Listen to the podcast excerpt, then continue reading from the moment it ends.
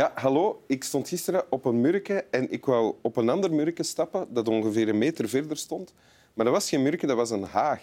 Dus ik trap in de haag en ik val natuurlijk. En ik doe mij pijn. Maar het grappige was, ik was daar met eh, een vriend. En die vriend die riep uit op het moment dat ik viel, Olaba. En ehm, dat bracht eigenlijk heel veel plezier. Eh, dat verzachtte de pijn ook.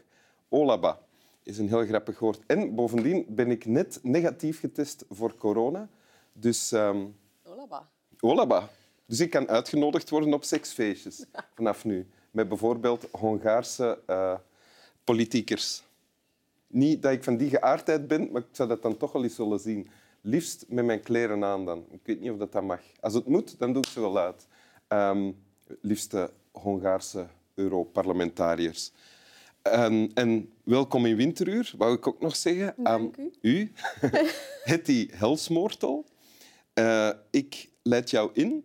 Je noemt jezelf Media Watcher, Wetenschapswatcher. Eh, wetenschapswatcher. Ja. Wat verdomme. Ik heb dat zo goed... Ja, kijk. Ja. Ja. En dat behelst veel, hè? Ja, dat is kijken naar wat er gebeurt in de wereld van de wetenschap en dat vertalen voor een zo groot en zo breed mogelijk publiek op zoveel mogelijk verschillende manieren. Je bent natuurlijk zelf ook eh, als wetenschapper gevormd. Je Ja. hebt aan de Universiteit Gent acht jaar lang kankeronderzoek gedaan. Ja. Eh, en wetenschapswatcher betekent in jouw geval onder andere een festival organiseren, dat nu natuurlijk niet kan Helaas, ja. over wetenschap. Ja.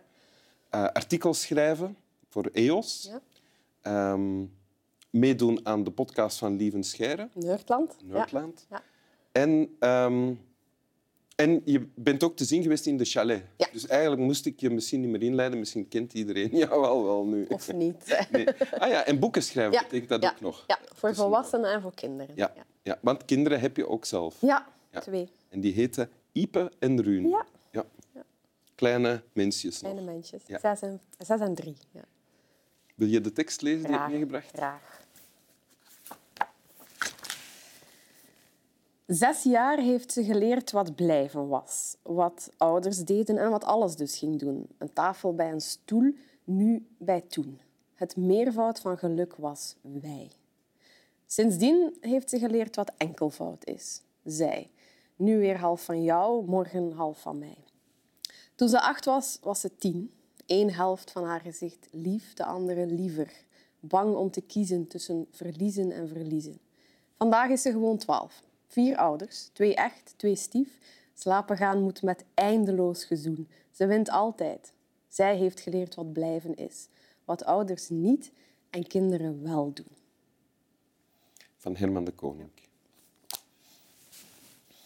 Ehm, in dit gedicht gaat het over zijn dochter. Hè? Ja, Zijn dochter. en ook over mijn dochter.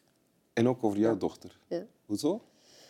Wij zijn ondertussen twee jaar geleden gescheiden, mijn ex-vrouw en ik. En eh, ik herken heel veel van dat verhaal in die paar simpele regels van, van Herman de Koning. Ja. Hoezo? Wat herken je? Bijna alles. Het begint met, met het idee van we blijven altijd samen. Wij horen bij elkaar zoals tafels bij stoelen horen. En dat zal ook altijd zo zijn. Ja? Daarom begin je ook, denk ik, met iemand aan een toekomst. Je, Ja. je hoopt dat dat En voor altijd is. En aan kinderen. Maar dan op een bepaald moment ben ik ehm, ja, mijn soulmate tegengekomen. Waar ik heel dankbaar voor ben, waar ik nu nog altijd heel gelukkig mee ben. Maar dat heeft die relatie uiteraard op, op losse schroeven gezet. En dan, Die eerste relatie, die, eerste is afgelopen. Jullie ja. zijn gescheiden. ja, wij zijn uit elkaar. Ehm, dus wij hadden twee, of wij hebben twee kinderen. Eh, onze dochter heeft in de buik van mijn ex-vriendin gezeten en onze zoon in mijn buik. Ah ja. Dus eh, ook zo waren wij één groot geheel. Ehm, Hoe lang zijn jullie uit elkaar? nu twee jaar. Twee jaar, ja. ja. Ja, dus de kinderen waren vier en, en anderhalf, eigenlijk. Mhm. Vrij jong. Ehm, ja, en dan, dan sta je op een punt tussen... Ja, kies je voor jezelf of kies je in functie van anderen? En dat is iets waar Anderen, het kind of de kinderen. Ja, onder andere. Of het gezin waar je mee gestart bent en ook toch een, een engagement voor aangegaan bent. Ehm, en dat is iets ja, waar ik nog altijd mee worstel. Ehm, Op welke manier? Ja, bedoel, een scheiding, je doet dat ook niet zomaar. Hè. Ik denk, als dat zomaar zou gaan, dan... Allee, Als je zegt ik worstel, eh, bedoel je dan dat je je schuldig voelt tegenover je kinderen? Voor een stuk ben je daarmee bezig. Ook vooral, en dat komt voor mij ook uit het gedicht naar voren. eh, onze dochter heeft zich daar wel vragen bij gesteld. En, en we zagen dat, ze- dat ze het daar op een bepaald moment wel, wel moeilijk mee had. Dus dat zit voor mij in dat middendeel van, van het gedicht. Maar ook het einde is voor mij gigantisch hoopvol. Het einde van het gedicht. Ja, het komt goed. Het komt allemaal goed. Er zijn nu ook vier ouders, twee echt, twee stief. Vier mama's, twee mama's, twee plusmama's. Met vier heel verschillende karakters, maar waardoor ze echt onze kinderen ja, op de meest fantastische manier kunnen omringen. Er is heel veel liefde, er is heel veel warmte. Mijn ex-vrouw is nog altijd mijn beste vriendin, was mijn beste vriendin, is dat gewoon gebleven. En uiteindelijk komt het allemaal wel goed. En- ja, nee, dat is echt waar. Dat is echt waar. En, en ik geloof daar ook in. Lees je dat ook zo in het gedicht? Ja. ja. Jij? Waarin, ik weet niet, ze wint altijd. Ja. Ze heeft geleerd wat blijven is, Ja. wat ouders niet en kinderen wel Ja. doen. Ah, dat kan positief zijn, maar kan ook wrang zijn. ja, maar voor mij is het positief. Als ik twee bladzijden heb, dan probeer ik voor de positieve bladzijde van de twee te kiezen. Ah, ja. Eh, ja, je kunt een, een gebeurtenis of situatie heel vaak op twee manieren beschrijven. Ik probeer dan zoveel mogelijk. Maar hier ook, voor, voor mij is het, is het hoop. En dat is wat er, wat er voor mij uitspreekt. Ja, het is niet omdat je ouders uit elkaar gaan dat je, dat je geen mama blijft.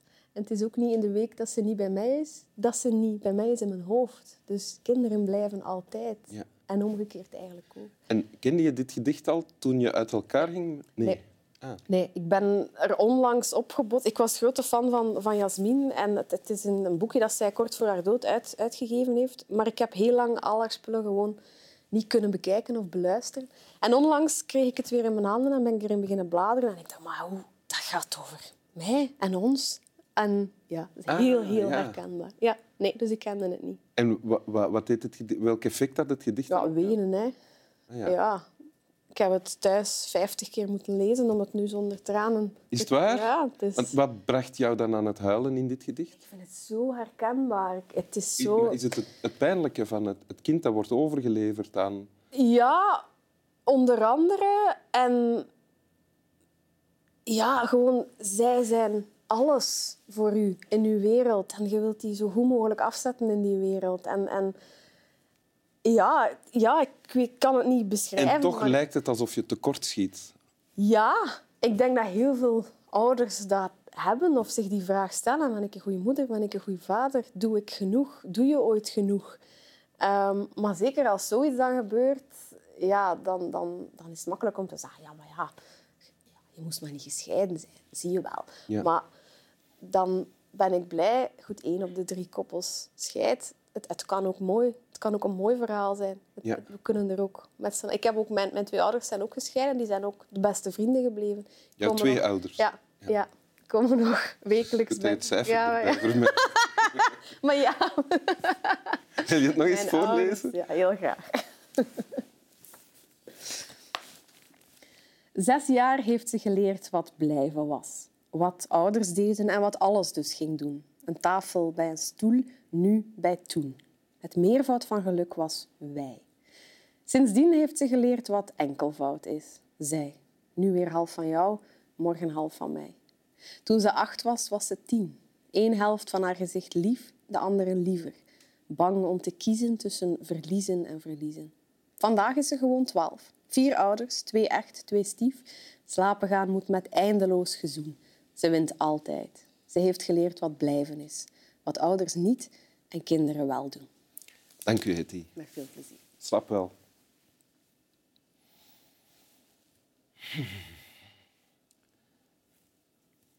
Ik vind nog altijd stom dat ik Media Watcher heb gezegd. Want het was een goeie, hè? Ja? Ja, maar ja. Dat is toch niet erg? Dat is niet zo erg. Zolang dat geen mo- modewatcher is of zo. Hebben ze dat al genoemd? Nee, maar dat ben ik ook totaal niet. Dus.